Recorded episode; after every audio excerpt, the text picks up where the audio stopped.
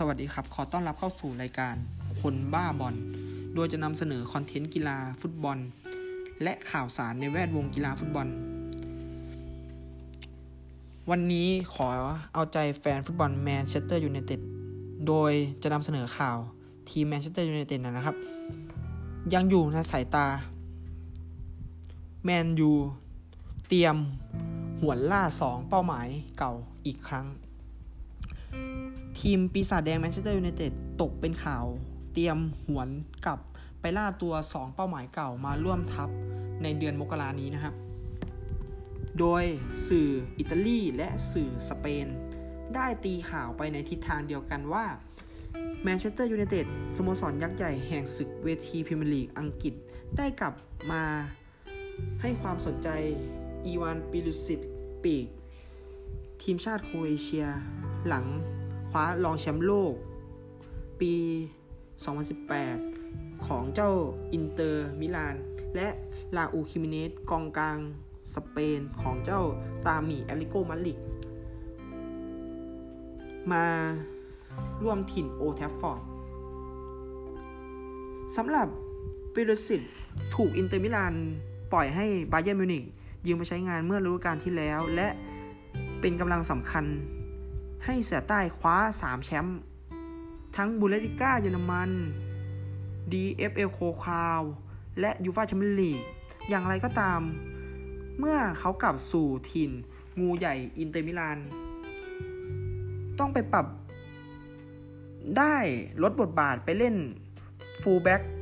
ของแท็กติกของอันโตนิโอคอนเต้ โดยไม่ใช่เล่นปีกตามที่เขาถนัด และ เขาไม่มีความสุขอยู่ในถิ่น เจ้างูใหญ่อย่างไรก็ตามนะครับซัมเมอร์นี้ อินเตอร์มิลานเล็งตัวใหม่เข้ามาเสียบแทนเขา โดยภูมิสิทธิ์เริ่มไม่แน่นอน และส่งผลให้แมนเชสเตอร์ยูไนเต็ดใช้โอกาสนี้เข้าเพื่อเจรจากับเปริซิชอีกครั้งในปีหน้า หลังที่เคยมีข่าว มาแทบทุกจะตลาดนักเตะที่มีข่าว โดยข่าวนี้มีความเป็นไปได้ประมาณ 80%ที่เปริซิชจะ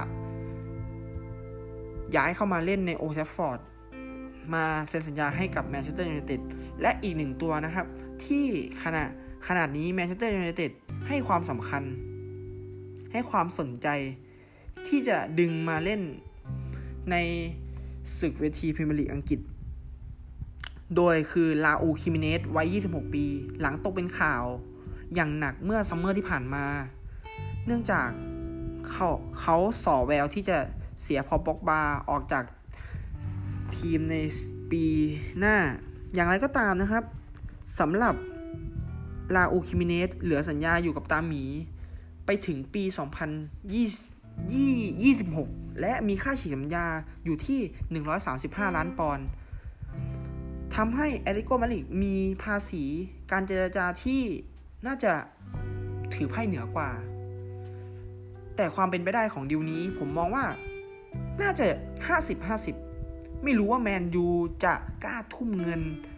เป็นร้อยกว่าล้านเพื่อแลกกับกองกลางวัย 26 ปี นามว่าลาอูคิมิเนสหรือเปล่า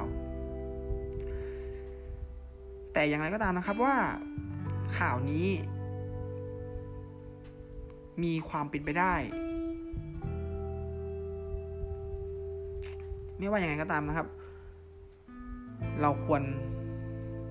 รอวันที่เหมาะสม ผมคิดว่าถ้าแฟนแฟนแมนเชสเตอร์ยูไนเต็ดถ้าได้ซาอูลคิมิเนสมาเล่น ตรงกลางแทนป็อกบา การขับเคลื่อนทีมเวิร์กและความสามารถของซาอูลคิมิเนสผมว่า มีไม่แพ้กับพอปอกบา อาจจะดีกว่าได้ซ้ำพอปอกบาตอนนี้คือ เล่นฟุตบอลโดยแบบ ไม่มีใจ แต่ตัวที่จะคว้าได้แน่นอน 80%น่าจะเป็นเปริสิตที่แมนยูกำลังขาดปีกขวาอยู่ตอนนี้ อาจจะไม่ได้ซันโชเปริสิตก็ยังจะโอเค เพื่อจะมาแก้ไขเพื่อจะมาเตรียมทีมในซีในเลกสองเพื่อจะมีโอกาสคว้าแชมป์หรือว่าบินสูงกว่านี้ยังไงก็ตามนะครับข่าวที่ได้นำเสนอนี้ก็คือ